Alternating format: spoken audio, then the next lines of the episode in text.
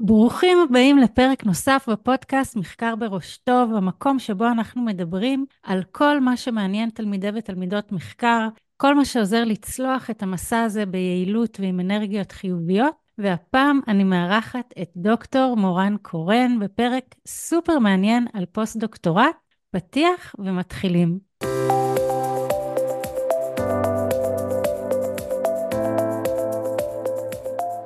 היי, מורן, תודה שהגעת להתארח בפודקאסט, כיף שאתה כאן.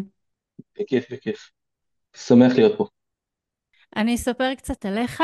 אתה מרצה להנדסת תעשייה וניהול במסלול קביעות באוניברסיטת בן גוריון. הדוקטורט שלך הוא מהפקולטה להנדסת תעשייה וניהול בטכניון, ועבודת הגמר שלך התמקדה בלמידה חברתית בסביבות אדפטיביות. והנה אנחנו מגיעים לחלק המעניין. היית עמית אה, פוסט-דוקטורט במחלקה למדע והנדסה לניהול באוניברסיטת סטנפורד בין השנים 2019 עד 2020, ועשית פוסט-דוקטורט במרכז למדעי המתמטיקה של הרווארד ובבית הספר למדעי המתמטיקה באוניברסיטת תל אביב. כלומר, אתה מביא איתך לא מעט ניסיון בתחום של פוסט-דוקטורט, ותחומי העניין המחקריים שלך משלבים כלכלה, מדעי המחשב וחקר התפעול, פרסמת הרבה מאמרים בכנסים ובכתבי עת מובילים בתחום מדעי המחשב, תיאוריה כלכלית, התנהגות כלכלית, כלכלה תיאורטית ועוד, וזכית במספר מלגות, כולל פרס פולברייט ומלגת שמיר למדענים חוזרים מהקרן הישראלית למדעים,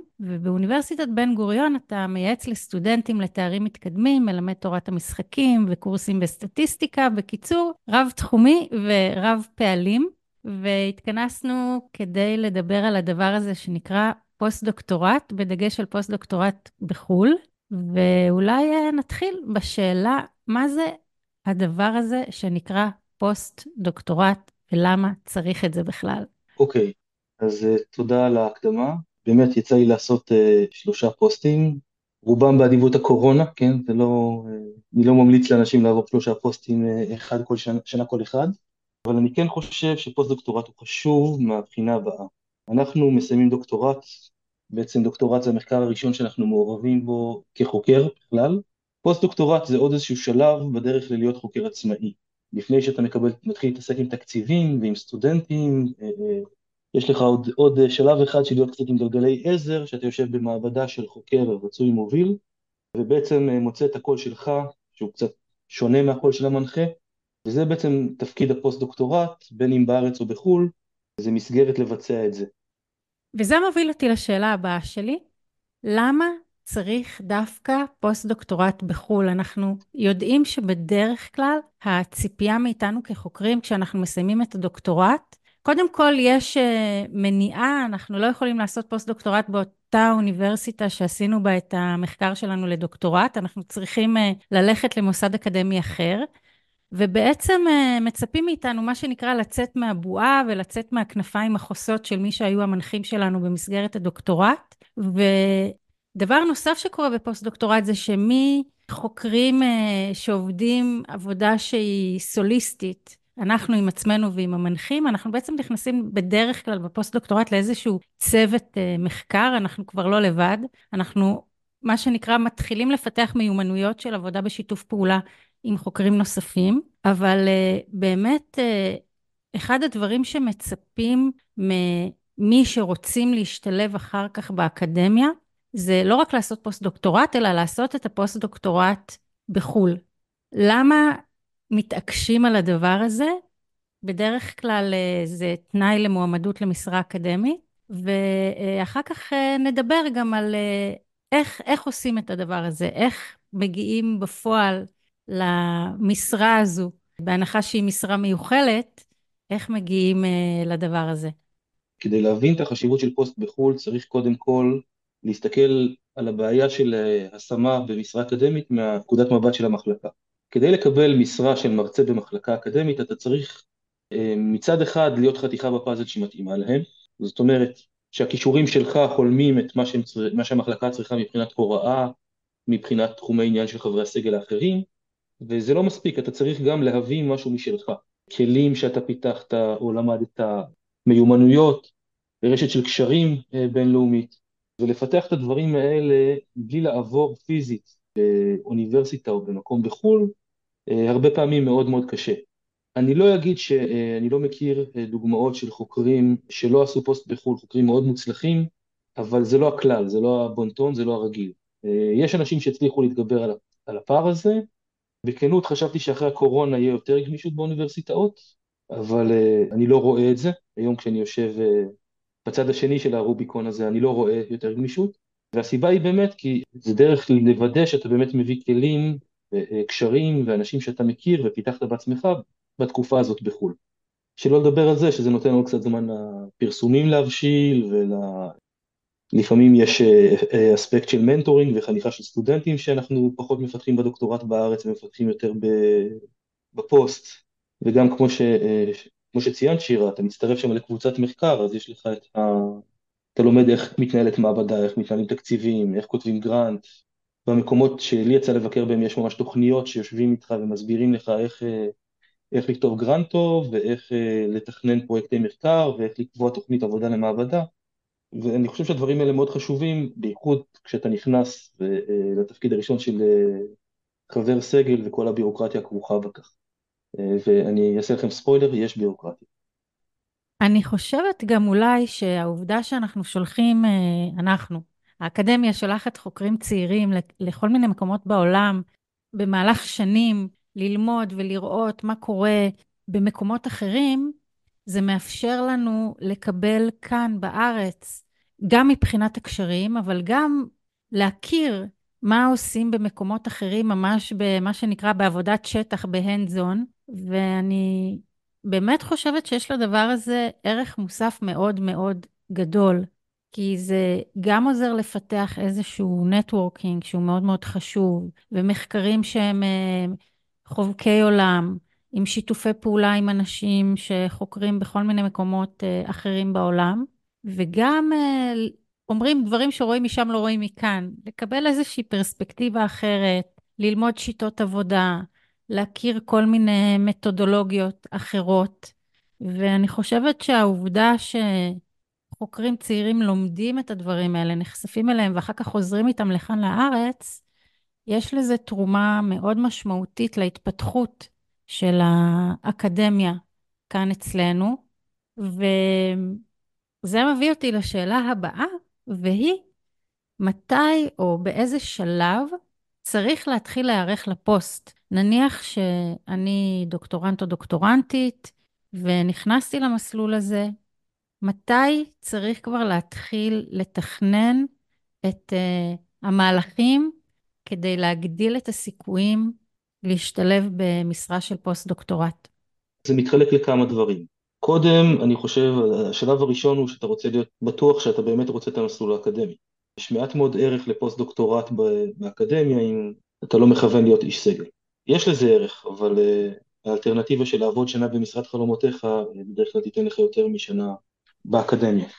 המלגות, יש כמה אפיקים, כמה דרכים לעשות פוסט בחו"ל. אחת מהם זה למצוא מנחה שמחפש פוסט דוקטורנט ויש לו מימון מתוך המעבדה, מה שנקרא מימון פנימי. אני הייתי מתחיל, בכלל הייתי מתחיל להיערך לפוסט בחו"ל בשנה לפני האחרונה של הדוקטורט, שיש לי עוד שנתיים. לא הייתי נלחץ מזה שאני לא מוצא מיד, אבל אה, מה שנקרא לפתוח את, לפתוח את האנטנות, לקייל את המטרות שלי. הייתי מתחיל את זה שנתיים לפני, זה שלב שבו כבר יש לי תוצאות מהדוקטורט, אני מתחיל לנסוע לכנסים, בכנסים אני יכול לדבר עם אנשים, לראות אה, תחומים שמשיקים לתחומים שהתעסקתי בהם, ואז הייתי מתחיל בעצם אה, לחפש את ההזדמנויות. יש כל מיני אתרים שמרכזים משרות אקדמיות, שאפשר להגיש דרכם קורות חיים. מה שחשוב זה מצד אחד לא אה, לשלוח לדברים שהם לא רלוונטיים, אבל מצד שני גם לא להיות יותר מדי ממוקד. כן, לא לפחד ללכת מחוץ לגבולות הדיסציפלינה שלמדת. אבל שוב, אם אני כלכלן אני לא אלך, לא אגיש מועמדות לפוסט בבלשנות. לא שיש משהו רע בבלשנות, אבל זה פשוט כנראה שאני לא אתאים לזה. כן הייתי מגיש, אה, משתדל להגיש קורות חיים או את החבילה, את הפורטפוליו שאני בונה, שיהיה מותאם לכל משרה שאני מגיש. ואחר כך עושה את ההתאמות הרלוונטיות לכל אה, הצעה והצעה, אם אני מבינה. כן, כן, כן. חשוב לזכור שחוקרים, בייחוד חוקרים שנמצאים באוניברסיטאות מובילות, מופצצים בבקשות בדרך כלל. אולי רק נגיד שיש זמן מוגבל אחרי סיום הדוקטורט שאפשר להתקבל בו למשרה של פוסט-דוקטורט. זאת אומרת, זה לא שאנחנו יכולים להשתלב במשרה כזו לנצח אחרי שסיימנו את הדוקטורט. יש איזושהי תקופה שמגבילה בהרבה מאוד uh, משרות שנפתחות, מגדירים כמה זמן אתה יכול לגשת אחרי שסיימת את הדוקטורט. בדרך כלל זה חמש שנים. לפעמים שבע. לפעמים שבע, ראיתי גם עשר. ויש היום משרות שכבר מיועדות לפוסט השני, זאת אומרת אה, שאתה מגיש מועמדות כבר ואומרים לך תעשה פוסט אחד ואז תבוא אליי, אבל כן, פוסט דוקטורט הוא לא לנצח, הכי חריג ששמעתי זה עשר שנים שאפשר, וגם כן זה מקרים מאוד מיוחדים. אז אני אסכם רגע את מה שאמרת. אמרת שמשהו כמו שנתיים לפני הסיום של הדוקטורט כבר להתחיל ככה אה, להיות ערני ולפתוח את העיניים ואת האוזניים להזדמנויות, ונתת פה שני טיפים מאוד uh, טובים בעיניי. אחד זה כשאתם נוסעים לכנסים בינלאומיים, כבר כשאתם יוצרים קשרים, תתחילו להתעניין. תתחילו לפנות לחוקרים ממש באופן יזום, באופן פרואקטיבי, שאתם חושבים שהתחומים שהם עוסקים בהם יכולים להיות ערוצים מעניינים עבורכם למסלולי המשך, ותתחילו מה שנקרא לאסוף לידים. לכל מיני אנשים שיכולים להיות רלוונטיים לארח אתכם לפוסט-דוקטורט בתחומים שהם עוסקים בהם. והדבר השני, דיברת על אה, אתרים שבהם יש הצעות למשרות פוסט-דוקטורט ואפשר להגיש אה, קורות חיים. וגם אוניברסיטאות אה, הרבה פעמים שולחות כל מיני סוגים של קולות קוראים למשרות פוסט-דוקטורט, אז פשוט להיות ערניים ולהתחיל לבחון את האפשרויות שאולי יכולות להתאים לכם. כן, אני חושב גם שעוד ערוץ ששכחתי להזכיר פה, זה המנחה. המנחה של הדוקטורט שלכם צריך להיות מסונכרן על הכוונות שלכם, הרבה פעמים ירצו לעזור. סך הכל זה אינטרס שלנו אה, לשלוח אה, ענפים אה, לכל מיני מקומות בעולם, ענפים מוצלחים ומוכשרים לכל מיני מקומות בעולם, וגם אנחנו בעצמנו חשופים להזדמנויות. זאת אומרת, אנחנו שומעים, המנחה הזה יש לו תקציב, הוא מחפש זה, הוא בדיוק זכה בגרנט הזה, אולי שווה להגיש לשם, ואנחנו יכולים לסייע לבצע את החיבורים האלה. זאת הערה מצוינת. אני עשיתי את הפוסט-דוקטורט שלי בארץ בטכניון, אבל גם אני אה, נחשפתי לאפשרות הזו של הפוסט-דוקטורט הספציפי שעשיתי בסופו של דבר דרך המנחה שלי. אז אה, זאת הערה מאוד מאוד טובה. זה, דרך אגב גם נכון לאחרי זה חיפושי משרה ולכל המנחים, זה ה... לא סתם קוראים להם האבא והאימא האקדמיים שלכם, לטוב ולרע, ואני יודע אה, שיש גם אה, מקרים פחות מוצלחים, אבל בדרך כלל הם האנשים שלכל הפחות יצטרכו מכתב המלצה מהם. לכל הפחות, אז שווה להשאיר אותם מחוברים לעשייה שלכם גם אה, בשלבים שאחרי הדוקטורט. נכון, וזאת גם הערה מאוד חשובה, ואני תמיד אומרת, גם בתואר השני, כשעושים תזה מחקרית, וגם בדוקטורט, בוודאי, צריך המלצות. את ההמלצות מהמנחים לתואר השני צריך כדי להתקבל ללימודי דוקטורט, את ההמלצות של המנחים לדוקטורט צריך כדי להמשיך אחר כך לפוסט-דוקטורט, והמלצות זה דבר מאוד מאוד חשוב. כן, כן. האפשרות השנייה להגיע לפוסט-דוקטורט היא להביא את המימון בעצמכם. שנה לפני, זאת אומרת לצורך העניין עכשיו, נסגרות המלגות החיצוניות לשנת הלימודים 24-25. המפורסמים זה פולברייט, שזה מלגה שנותנת סדר של 50 אלף דולר לארצות הברית, רוטשילד שנותנת סכום דומה אבל פחות מוגבלת, אני חושב שאת רוטשילד אפשר גם לקחת באירופה, שמעתי שיש גם מלגת עזריאלי, מלגת צוקרמן, לחלק מהאוניברסיטאות, זה אני אדבר עוד שנייה, זה הכל מלגות של פילנטרופים שרוצים לעזור לכם לממן את לימודיכם, חלק עוברים דרך האוניברסיטאות וצריך לעבור איזה הליך של סינון מוקדם, חלק אתם מגישים ישירות לכנס, היה וזכיתם במלגת פולברייט, רוטשילד וכולי, אתם יכולים אה, פשוט לפנות לחוקרים בחו"ל ולהגיד לו, תקשיב, יש לי שני שליש ממה שצריך בשביל אה, לממן את עצמי במשך שנה, האם אתה מעוניין לארח אותי, לתת לי אה, השלמה אם צריך ושולחן ולפטופ, אנשים יהיו הרבה יותר נכונים לארח אתכם כשכבר הראיתם שאתם יכולים להביא grant אחד ובאים עם, עם רוב הכסף שצריך. גם את הקשר לגבי המלגות האלה אני ממליץ לעשות לפני. כי כשאתם באים למלגת רוטשילד או פולברייט ויש לכם כבר בן אדם שמוכן לארח או שהביע נכונות עקרונית שאמר אני יכול להוציא מכתב שהוא נראה לי בן אדם נחמד אני אשמח לארח אותו זה מה שצריך להיות כתוב במכתב מהפרופסור זה משפר את הסיכוי שלכם לקבל את, מלגת, את המלגה הזאת. בהקשר של המלגות האלה שדיברת עליהן אחת השאלות שעלו בסקר שעשיתי לקראת ההקלטה הזו שלנו הייתה באיזה תחומים אפשר לעשות פוסט-דוקטורט. האם יש תחומים שבהם פוסט-דוקטורט מקובל יותר או פחות? אה, האם יש תחומים שבהם יש אה, יותר הזדמנויות אה, מתחומים אחרים? לאיזה דיסציפלינות המשרה הזו של פוסט-דוקטורט בכלל והמלגות האלה בפרט מאפשרות את המשרה הזו של פוסט-דוקטורט? אז זו שאלה קשה ומורכבת. מבחינת אה, דיסציפלינות, פולברייט רוטשילד לדעתי פתוחות לכמעט כל הדיסציפלינות האפשריות. יש אה, מלגה למדעי החברה, בדרך כלל יש אה, בין שמונה לעשרה בכל שנה. מלגה למדעי החיים, יש בין שמונה לעשרה בכל שנה. ואין איזה דיסציפלינה ספציפית שצריך את זה, שמוגבלת פנימה או החוצה. למיטב ידיעתי, ברוב הדיסציפלינות צריך את זה, אבל אני אומר את זה מאוד בזהירות. יכול להיות שבמקצועות שהם יותר טיפוליים, אני אומר את זה בזהירות, אני לא יודע, אני לא רוצה להגיד סתם. אני יודע שבמדעי החיים בדרך כלל צריך פוסט ופוסטים ארוכים של חמש עד שבע שנים. מדעי החברה בדרך כלל עושים שנה, שנתיים, אולי שלוש. כשאני באתי למשרה הייתי צריך להסביר למה עשיתי כל כך הרבה פוסט-דוקים. אולי נספר למאזינות ולמאזינים את מה שככה דיברנו בינינו לפני שנכנסנו להקלטה, שבעצם עשית פוסט-דוקטורט נוסף בחו"ל, כיוון שנתקעת שם בתקופה של הקורונה. כן, אכן. אז אני, התכנון שלי היה לנסוע לשנה מלגת פולברייט לסטנפורד, ולחזור בסוף השנה. שדרך אגב, מי שיכול אני ממליץ מראש לקחת שנתיים, כי אז יש לך שנה אחת לעבוד ושנה אחת לחפש משרה. לי יצא ככה בלי שהתכוונתי, פשוט נתקעתי שם מסיבות אה, משפחתיות אה, משמחות, אבל נתקענו שם על... מעבר לתאריך המתוכנן שלנו, והתחלתי לחפש, האמת שחזרו אליי להזדמנות למייל ששלחתי שנה וחצי קודם לכן. סוף סוף הגיעו אליי ברשימה, ואז פנו והציעו לי את הפוסט השני בהרווארד, אמרתי להם לא, כי רצינו לחזור לארץ, אבל הייתה קורונה, ואז הם אמרו לי, טוב, אז בוא תעבוד מרחוק, ככה שיצא שהרווחתי אה, את זה, אבל שוב, זה היה בתקופה שהעולם היה במקום אחר. אה, הסיבה גם שהפסקתי את הפוסט שם אחרי שנה ולא יותר מזה, היא שדרשו ממני לחזור לבוסטון, ולצערי לא יכולתי לעשות את זה בתקופה. אבל כן, כעיקרון, אני ממליץ ללכת לפוסט אחד לשנתיים למי שיכול, אה, מי שלא, גם שנה זה נחמד, ואז במהלך התקופה שלי בפוסט השני, אז uh, קיבלתי גם את מלגת שמיר, שנתנה לי עוד קצת אוויר לנשימה ועוד קצת זמן לעבודה למחקרים, אז יכולתי להגיע לשוק, לשוק הג'וב מארט, קצת יותר מוכן, קצת יותר רגוע וקצת יותר בשל.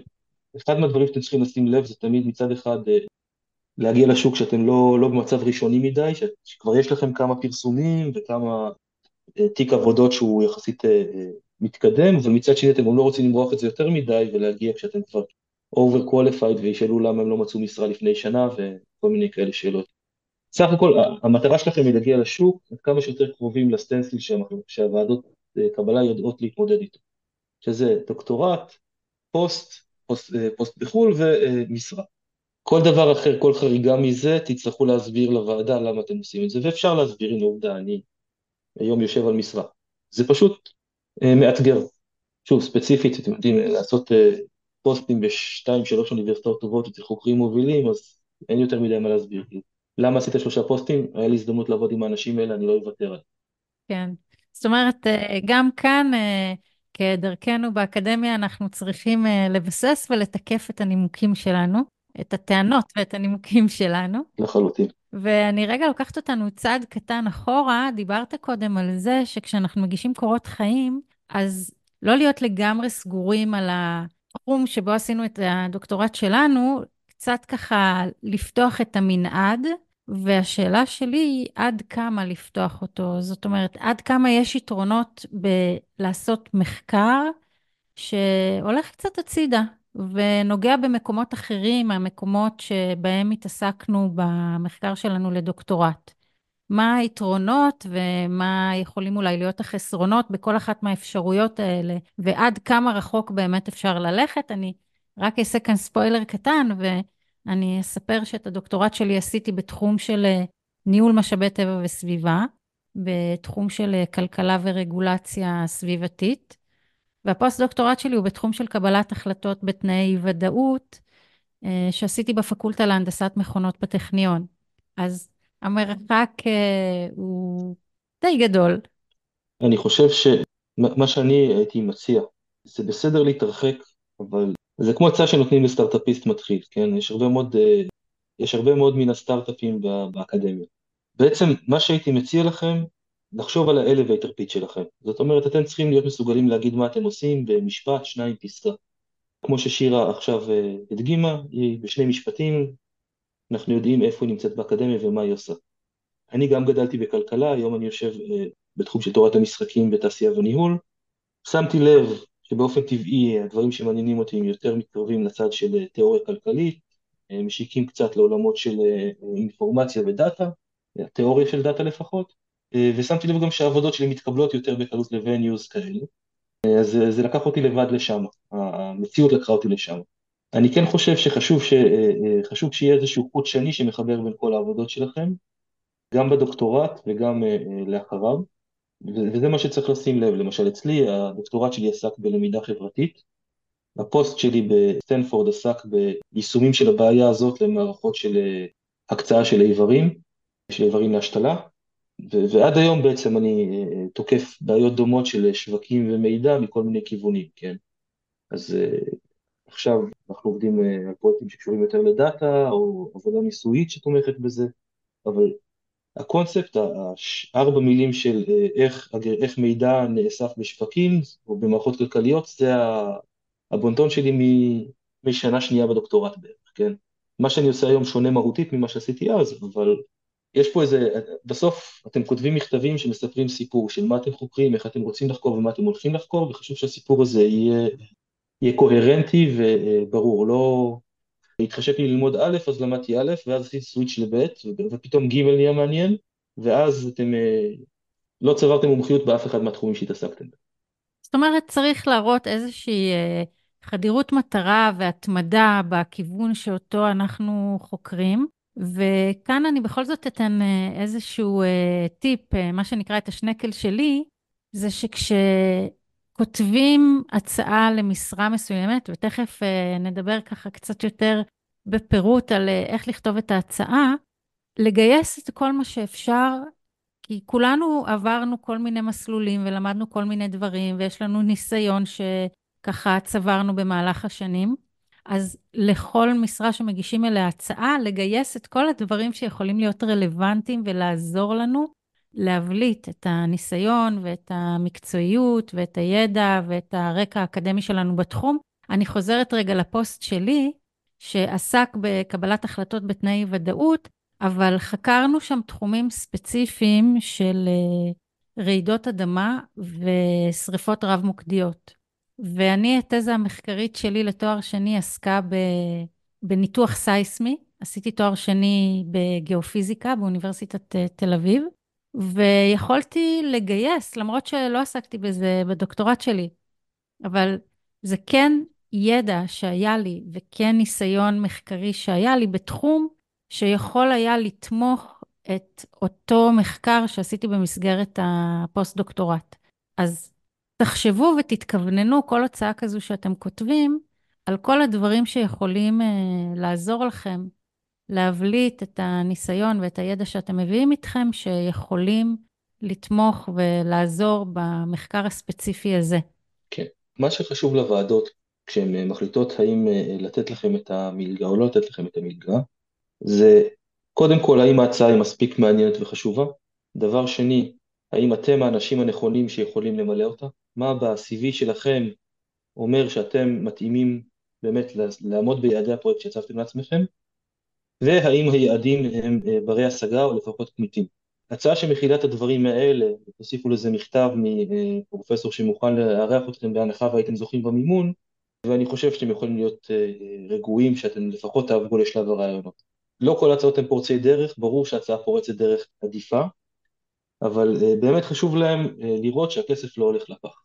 גם אחרי זה כשאתם תגיעו לכתוב אה, מכתבי הצעה למשרות, כן, תצטרכו להסביר איך אתם משתלבים במחלקה, למה אתם באים לעבוד דווקא פה, איך הפרויקטים שלכם הולכים להתקדם בארבע, חמש, שש שנים הקרובות, מה היעדים שאתם מציבים לעצמכם.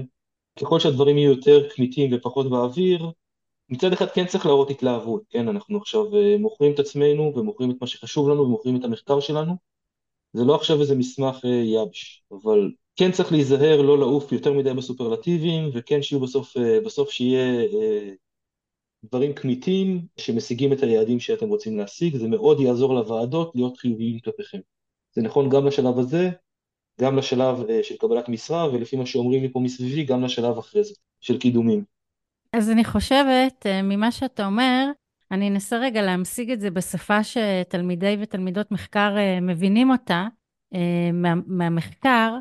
גם כאן בעצם יש לנו מאפיינים של לזהות איזשהו פער. כשאני מגיש הצעה לפוסט-דוקטורט או, או למשרה באיזושהי מחלקה, מה אני יכול לתרום, מה אני מביא איתי שיכול לחדש, שיכול לתרום, כי אם אני מביא עוד מאותו דבר שכבר יש שם, אז uh, כנראה יהיה פחות אטרקטיבי.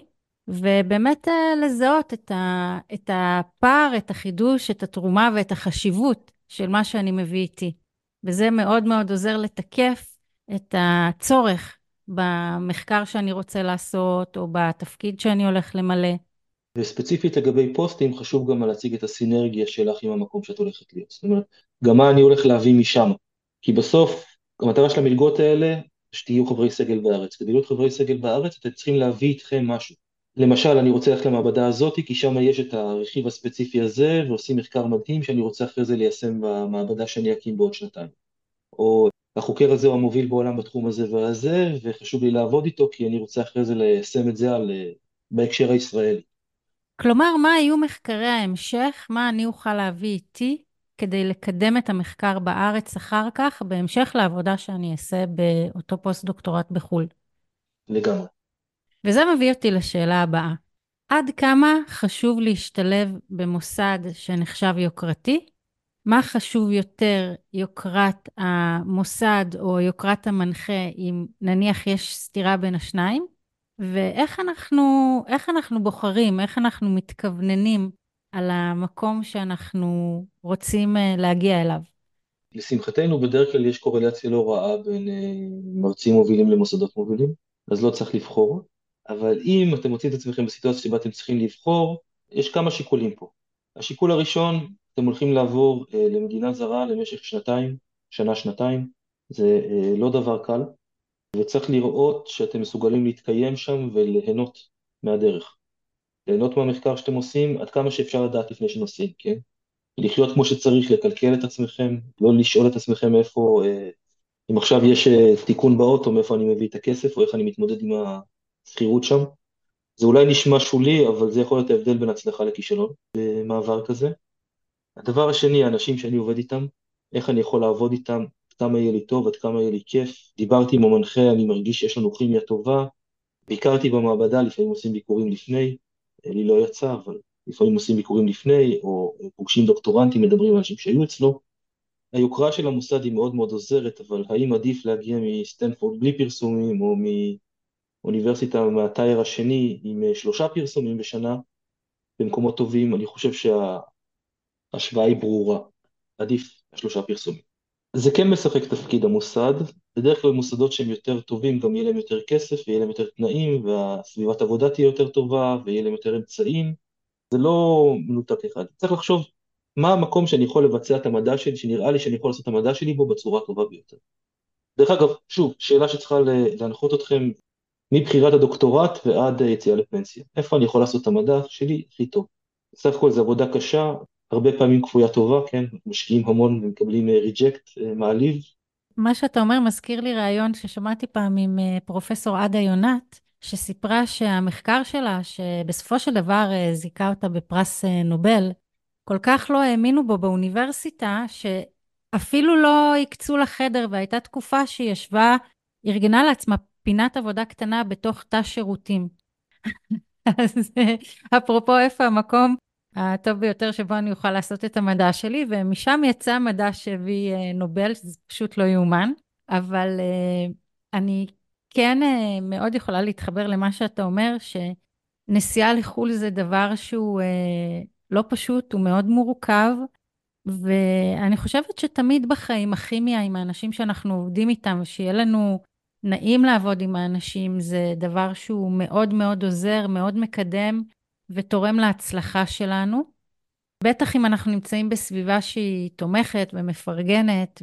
זה אחד הקטליזטורים ליצירה של תוצרים אקדמיים כמו פרסומים מאמרים בז'ורנלים בינלאומיים, אז אני מאוד מסכימה.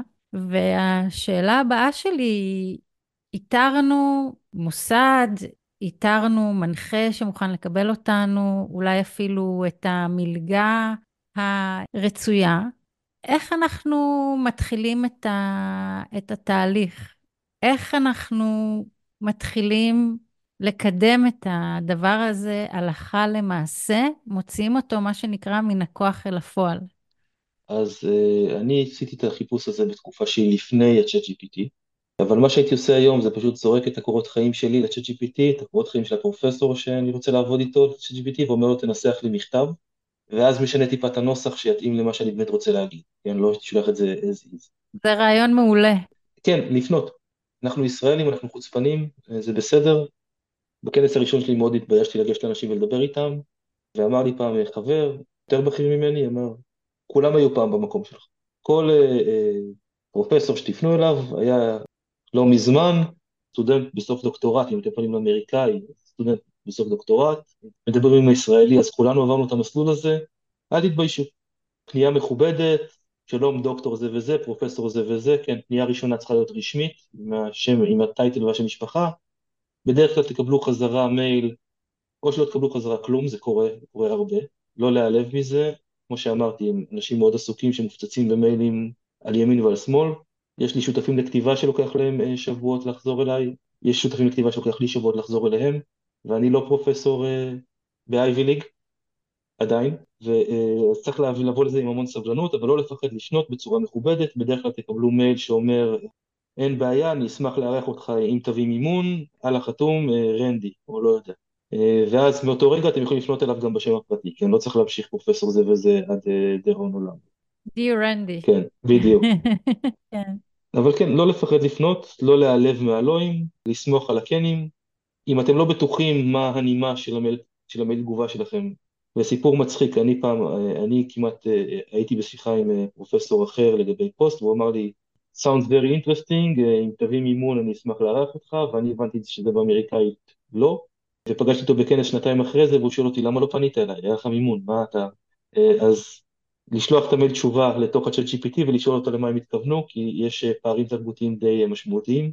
בכלל, אגב, הפערים האלה קיימים לא רק בחו"ל, הם קיימים גם בארץ. אני לפעמים אה, רואה תגובות של מנחים לדוקטורנטים שאני מלווה, והדוקטורנט או הדוקטורנטית ככה מקבלים תגובה שהם נרעשים ממנה, וזאת נראית להם תגובה שהיא לא טובה, ואני, אתה יודע, מתווכת להם, מסבירה להם שהם קיבלו תגובה מצוינת.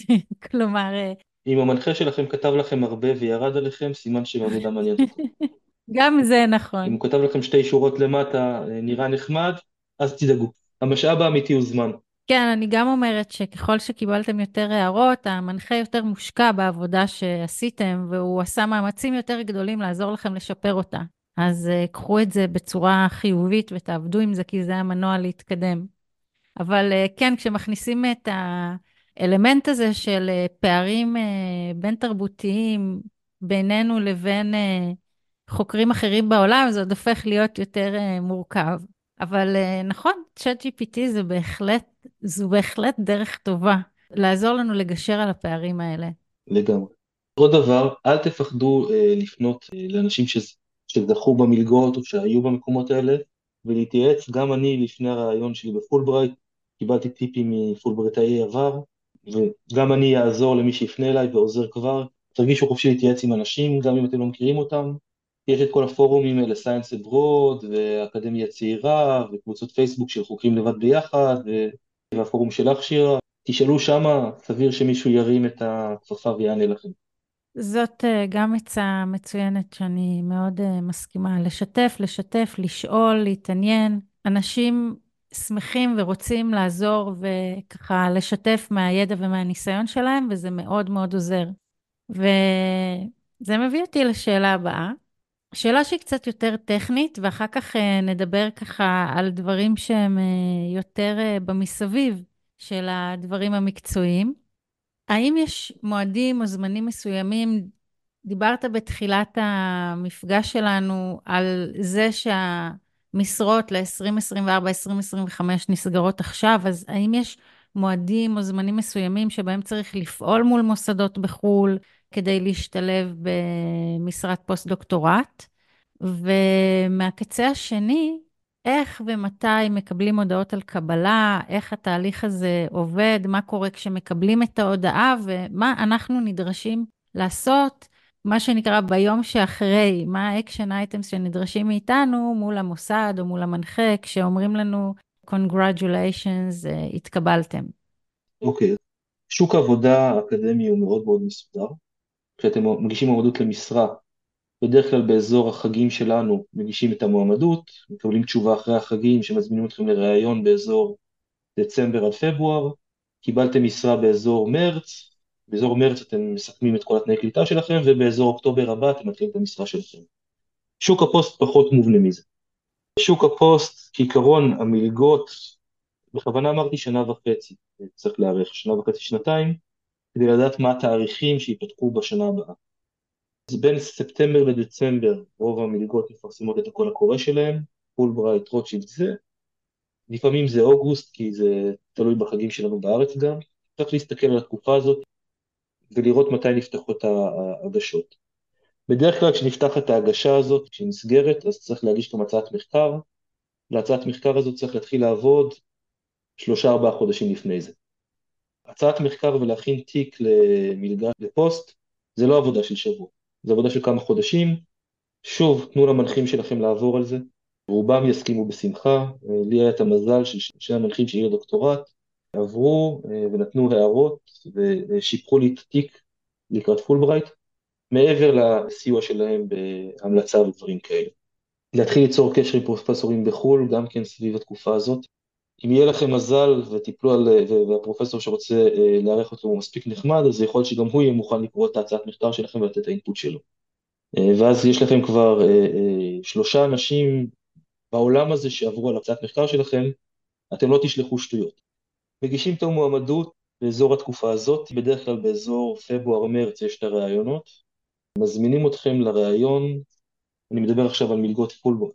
שוב, המלגות החיצוניות זה תהליך הזה, מזמינים אתכם לראיון, תיכנסו לחדר עם הוועדה שבעצם מחליטה. אם הגעתם לראיון אתם uh, במצב מאוד טוב, כי זה אומר שמעכשיו התהליך הוא בעדכם ולא נגדכם. הסיכויים הם לטובתכם ולא נגדכם. נכנסתם לראיון, יושבים שם אנשים אה, אה, מכל הדיסציפלינות, זאת אומרת, אם אני הגשתי עכשיו פולברייט למדעי החברה, אז ישבו מדעני חברה מסביבי, אם אני הגשתי מדעי החיים, ישבו מדעני חיים מסביבי, מה שאומר שיהיה לי בחדר פסיכולוג, אה, כאילו מדעי החברה, יהיה לי בחדר פסיכולוג וכלכלן וסטטיסטיקאי ושאר הדיסציפלינות של מדעי החברה. יהיה פורום מאוד מגוון שבעצם בא לראות שאני יודע אנגלית קצת ואפשר לדבר איתי ואיך אני מגיב, רעיון עבודה רגיל לכל דבר ועניין. אחרי שהרעיון הזה נגמר, אתה מקבל תשובה אה, חיובית או שלילית, אם שלילית אז אה, הולכים לשתות בירה, אם חיובית אה, הולכים לשתות בירה. לחגוג, ובעצם אז בקרנות זה יחסית מסודר, הם יוצרים קשר עם האוניברסיטה ויש אדמיניסטרטור שמלווה אתכם, צריך להגיש טפסים לוויזה ולקבוע רעיון בשגרירות וכל הטררם הזה שאני לא אלאה אתכם בו, אבל גם כן לוקח את החצי שנה שלו. אחד מהדברים שצריך לשים לב אליו זה הנושא של סגירת הדוקטורט. כי רוב האוניברסיטאות בארצות הברית מוכנות להוציא לכם את המסמכים רק כשיש להם כבר דוקטורט חתום. זאת אומרת שזה עבר את כל השלבים של הוועדה, של המנחה, של הוועדה העליונה של המוסד, ובאמת יש לכם דוקטורט סגור וחתום, אה, ואתם יכולים להיקרא דוקטור. לא לחכות לשלב הזה כדי להתחיל את התהליך, אבל סביר להניח שאחרי שתעברו את הדברים האלה, אז הביורוקרטיה תיתקע קצת, כי תצטרכו לחכות שהוועדה העליונה של המוסד, שמתכנסת פעם בחודשיים, חוץ מהחודשיים שאתם צריכים אותם, תתכנס. זה מלחיץ קצת, אבל זה מסתדר בסוף. באפיק של מימון פנימי זה יותר דינמי ויותר גמיש. יש מקומות שרוצים, שממש עושים לכם פליי אאוט ואתם יכולים לטוס ולראות את המעבדה לפני, יש מקומות שיתקשר אליכם מישהו בטלפון ויגיד לכם, אה, תגיד לי מה אתה עושה שנה הבאה, אז תבוא, זה מה שקרה לי עם הרווארד, ויש מקומות שהדברים הרבה יותר fluid יים, גם פוסט זה משרה שהיא לא נפתחת מסודר, כל הזמן נפתחים פוסטים ונסגרים פוסטים, כן? מנחה זכה ב grant, קיבל כסף לפוסט, אז הוא מפרסם פוסט. אם המנחה הזה הוא חוקר מוביל בעולם שיושב באוניברסיטה טובה בעולם, אז בערך תוך יומיים הוא ימצא את הפוסט שהוא מחפש והתקציב הזה ייסגר על. צריך להיות כל הזמן אה, עם היד על, עם היד על הדופק, כל הזמן לחפש ולחפש ולחפש במחלקות שאתם רוצים, חוקרים שאתם רוצים. יש uh, עוד טיפ ששמעתי, שזה לא יצא לי לעשות בדיעבד, אפשר להיכנס לאתרים של הגרנטים של האמריקאים ולראות מי זכה ואז לפנות לחוקרים אחרי שרואים שהם זכו. שמעתי לאנשים שעושים גם את זה. לי זה הרגיש קצת סטוקרי, אבל uh, all is fair in uh, love and work. and work. אגב, שאלה ככה, שאלת צד כזאת, עד כמה רמת האנגלית והיכולת להתבטא באנגלית בעל פה זה משהו שמסתכלים עליו או, או מעניין בהקשר הזה? אני חושב שזה חשוב, זה חשוב. הם שמים לכם עכשיו 50 אלף דולר, ואתם צריכים להראות שאתם מסוגלים להסתדר במדינה זרה. אם זה פולברייט אז זה ארצות הברית, אם זה אה, רוטשילד אז... אם זה רוטשילד אז זה בכל מקום בעולם, כן? אם אתם נוסעים עכשיו להולנד, אז אה, אם תראו בקיאות בהולנדית, אני מניח שזה יהיה בסדר. שלא לדבר על זה שהעלות האמיתית זה לא 50 אלף דולר ששמים עליכם, אלא הם שמים את זה עליכם ולא על חוקר אחר שכן יודע כמו שצריך. אה, אז כן, עם אנגלית חלשה, צריך לחזק אותה. וול סטריט, וול סטריט ג'ורנל, איך קוראים לזה? כל האנגלית מהאמבטיה. אה, אה, כן, אה, מאיפה האנגלית שלי? מאיפה האנגלית שלי. אז כן, לא, לא להתבייש לקחת קורסים באנגלית וחיזוקים באנגלית. למרות ששוב, אם סיימתם דוקטורט, עשיתם לפחות קורס אחד באנגלית באוניברסיטה, אתם יודעים לכתוב באנגלית ברוב המקומות. אז המעבר צריך להיות יחסית קל. לא צריך לדבר, במב... גם אני מדבר אנגלית במבטא ישראלי מחריד, אה, עם ר ו... וחטאים במקומות הלא נכונים. אבל ברוב המקרים מבינים את מה שאני אומר ואפשר לנהל איתי שיחה. אגב, יש היום אה, הדרכות מעולות באינטרנט, אפילו חינמיות, שאפשר ממש לתרגל אנגלית, גם דיבור, גם אקסנט, ממש אה, יש היום אה, הדרכות וקורסים מצוינים. אז אה, אני בכלל חושבת שלדבור אנגלית בצורה טובה זה דבר שהוא חשוב בעולמות האלה של אה, מחקר. אני חושב שזה חשוב בכלל, אנחנו חיים היום בעולם גלובלי. נכון. קל וחומר באקדמיה שתמיד הייתה גלובלית, ואחד מהדברים שאתם נמדדים עליהם לכל האורך זה עד כמה אתם, הפרופיל הבינלאומי שלכם מפותח. זה אחת מהדרישות מחבר סגל. נכון, זה לא רק הקשרים והעבודה היומיומית, זה, זה גם uh, השתתפות בכנסים, זה גם יצירת הקשר בכנסים, כנסים בינלאומיים, מדברים כולם אנגלית, זה מאוד מאוד חשוב. אני דרך אגב מציע לכם לעשות את המעבר לאנגלית כמה שיותר מוקדם בדוקטורט. אני בהחלט מסכימה. אם יש לכם הרצאה לתת, תיתנו אותה באנגלית, אפילו שזה לא שפת האם שלכם ואפילו שזה יותר קשה. ככל שתתגברו על המשוכה הזאת יותר מהר, יהיה לכם יותר קל לתפוס את הרכבת בעתיד. טוב, אנחנו עוברים לדברים הככה קצת אה, פחות מקצועיים, אבל אה, לא פחות מעניינים. איך מתפעלים את הדבר הזה? מה, מה עושים עם אה, בן, בת זוג, עם ילדים? מה אתה יכול לספר לנו מהניסיון האישי שלך, ואולי אה, מהיכרות עם אה, פוסט-דוקטורנטים אחרים? איך עושים את הדבר הזה בפועל? איך אורזים משפחה שלמה על כל מטלטליה, נוסעים אל מעבר לים, וחיים תקופה של שנה, שנתיים, שבה אנחנו כחוקר מבלים באוניברסיטה, במעבדה, אה, איפה שזה לא יהיה, ובן בת הזוג שלנו והילדים עושים מה? אז כשאני נסעתי לפוסט עוד לא היו לי, עוד לא היו לי ילדים, אה, והיה לי מזל שאשתי תמכה במהלך הזה ונסעה איתי. זה לא טריוויאלי בכלל, היא הייתה דוקטורנטית שהייתה בשלבים שהיא יכלה לעשות את הדוקטורט שלה מרחוק. זאת אומרת, לה קטע, שלב סוליסטי מאוד בעבודה שלה שהיא יכולה לעשות מרחוק. זה לא פשוט. ההוצאות, אה, אני מציע לקחת שפיל של לפחות 25% ממה שאתם מתכננים להוציא. תשבו, תעשו חישוב, איזה חישוב שלא הגעתם תוסיפו לו עוד 25% ככה של buffer, שלא תהיו לחוצים. כן לקחת מספיק כסף, אה, לקחת סכום משמעותי של כסף לחודש, חודשיים הראשונים עד שתסדרו את כל הבנקים ו... הכסף מתחיל להיכנס מאוניברסיטה וכל הלוגיסטיקות שמסביב, אה, אז כן לקחת איתכם, או לפחות לקחת כרטיסי אשראי בינלאומיים, זה קצת יקר, אבל אה, אה, אתם לא רוצים להיתקע בלי יכולת להוציא כסף במדינה זרה כבר בהתחלה. לשאול אנשים שנמצאים שם איך המקום נראה ואיך הלוגיסטיקות. שוב, אני, להגיד לך איך מתנהלים, יהיה לי קצת קשה, כי אני לא הייתי בדיוק בפוסט בתקופה נורמלית, כן? אנחנו היינו די 19-20, אה, זה תחילת הקורונה, זה הקורונה. כן, זה הקורונה. זה הקורונה, אז זה לא היה כל כך תקופה נורמלית. אני כן יכול להגיד שהתחברתי לקהילה הישראלית שהייתה בסטנפורד, ויצרנו לנו איזו קבוצה של פוסט-דוקים ישראלים. הצטרפתי לקבוצה של פוסט-דוקים קיימת שהייתה שם, שגם אליה, דרך אגב, הגעתי דרך קבוצות של ישראלים בסטנפורד. שוב, אני מניח שאם הייתי עכשיו מהגר הברית, אז אולי הייתי מתנהל אחרת, אבל היות ואני באתי מראש בידיעה שאני בא לתקופה מוגבלת, אז מאוד חיפשתי את הקהילה הישראלית ולהתחבר אליה ולהרגיש בבית, בבית בניכר. היה לי ברור שאני אה, חוזר לישראל, כמה שדברים כאלה יכולים להיות ברורים, וניסיתי, ומצאתי קהילה וחברים, שוב, בסיליקון וואלי יש, לכל אחד בישראל יש חבר בסיליקון וואלי פחות או יותר, פשוט עוד לא יודע את זה.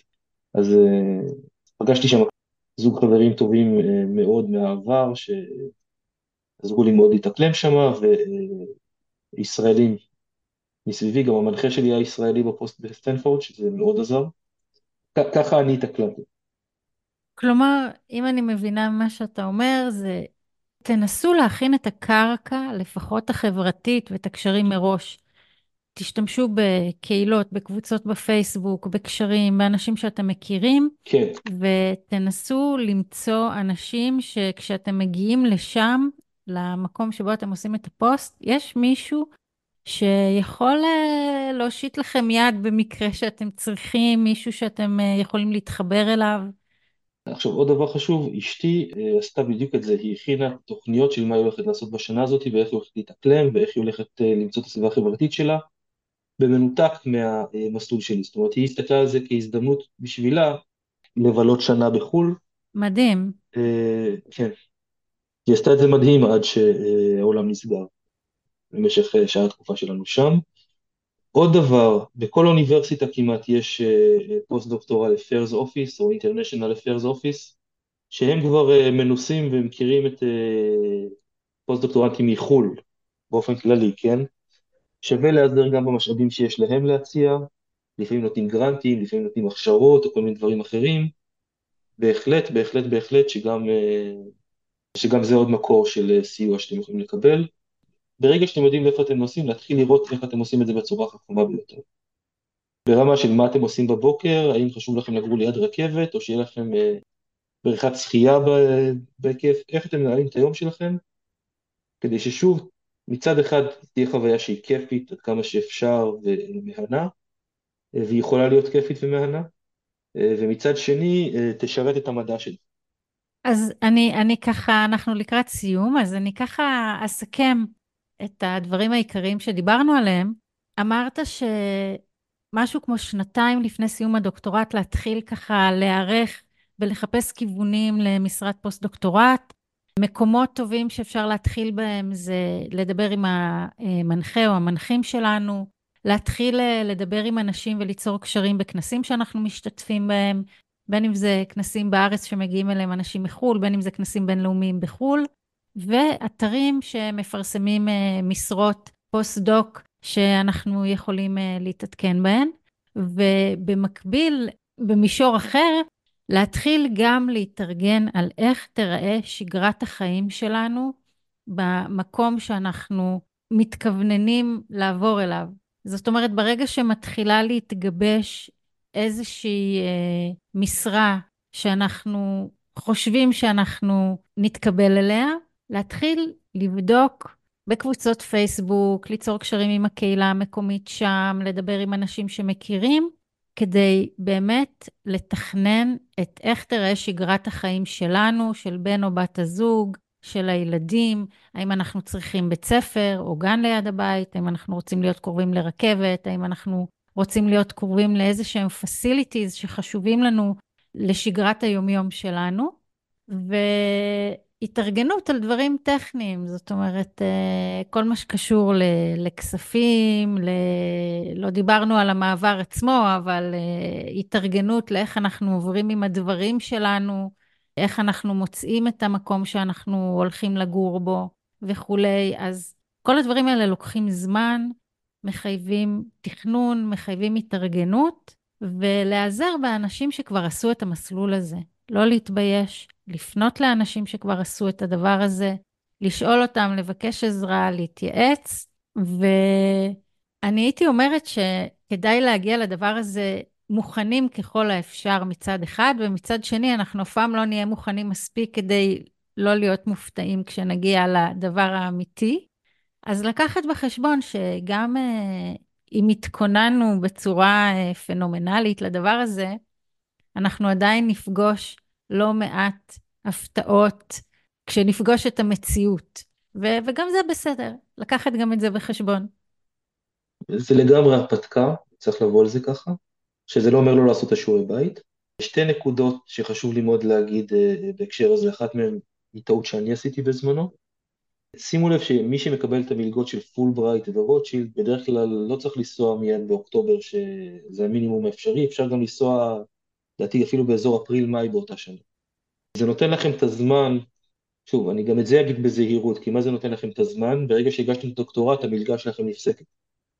אז אה, מי שיכול להרשות לעצמו, או מי שמוצא פוסט בארץ, פוסט גישור כזה, אפשר לדחות את המלגות האלה עד, שוב, אפריל-מאי, ואז יש לכם כמה חודשים לעשות רק את החושבים על זה, שזה מה שיש לכם בחיים, שזה לא בהכרח דבר רע. כמו ששירה עכשיו אמרה, זה המון עבודה להכין את העזיבה. אה, ועוד שיקול שהוא מאוד משמעותי, בייחוד למי שנוסע לארה"ב, לישראל יש אמנת מס עם ארה"ב. זה אומר שבשנתיים הראשונות שאתם נמצאים הברית, אתם נהנים מהטבת מס מאוד משמעותית, תבדקו עם רואה חשבון, אבל כן זה שנתיים קלנדריות, מה שאומר שאם נסעתם ב-31 לדצמבר, הפסדתם שנה מהטבת מס הזאת. אז גם זה שיקול, שוב, זה דוגמה לארצות הברית, אני מאמין שבמקומות אחרים בעולם יש שיקולים אחרים, אז שווה להתייעץ גם עם אנשים שמבינים את הכלכלה ואת המיסוי בכל מדינה, זה יכול להיות כמה עשרות אלפי דולרים טובים, שחבל. זה שלב בחיים שאין לנו יותר מדי. בעצם באתם לאקדמיה, אז חבל, בלי שום קשר. אם אנחנו כבר מדברים על, אה, על העניין הזה של ההכנסה והיבטים מיסויים, מה טווח מקובל למשרה של אה, פוסט-דוקטורט? על מה בגדול, ככה באופן גס אנחנו מדברים? על איזה טווחים? זה משתנה מאוד. אה, לא דין פוסט-דוקטורט במדינה זולה למדינה יקרה. קליפורניה וניו יורק זה לא אותו דבר כמו איואה ומישיגן, שיש שם אוניברסיטאות לא פחות טובות דרך אגב. אבל אה, עלויות מחיה הן שונות לחלוטין, אה, היכולת השתכרות הן שונות לחלוטין, הזמן שלוקח להוציא אישורי עבודה הם שונים ממדינה למדינה. זה באמת יהיה חסר אחריות מצידי להגיד משהו.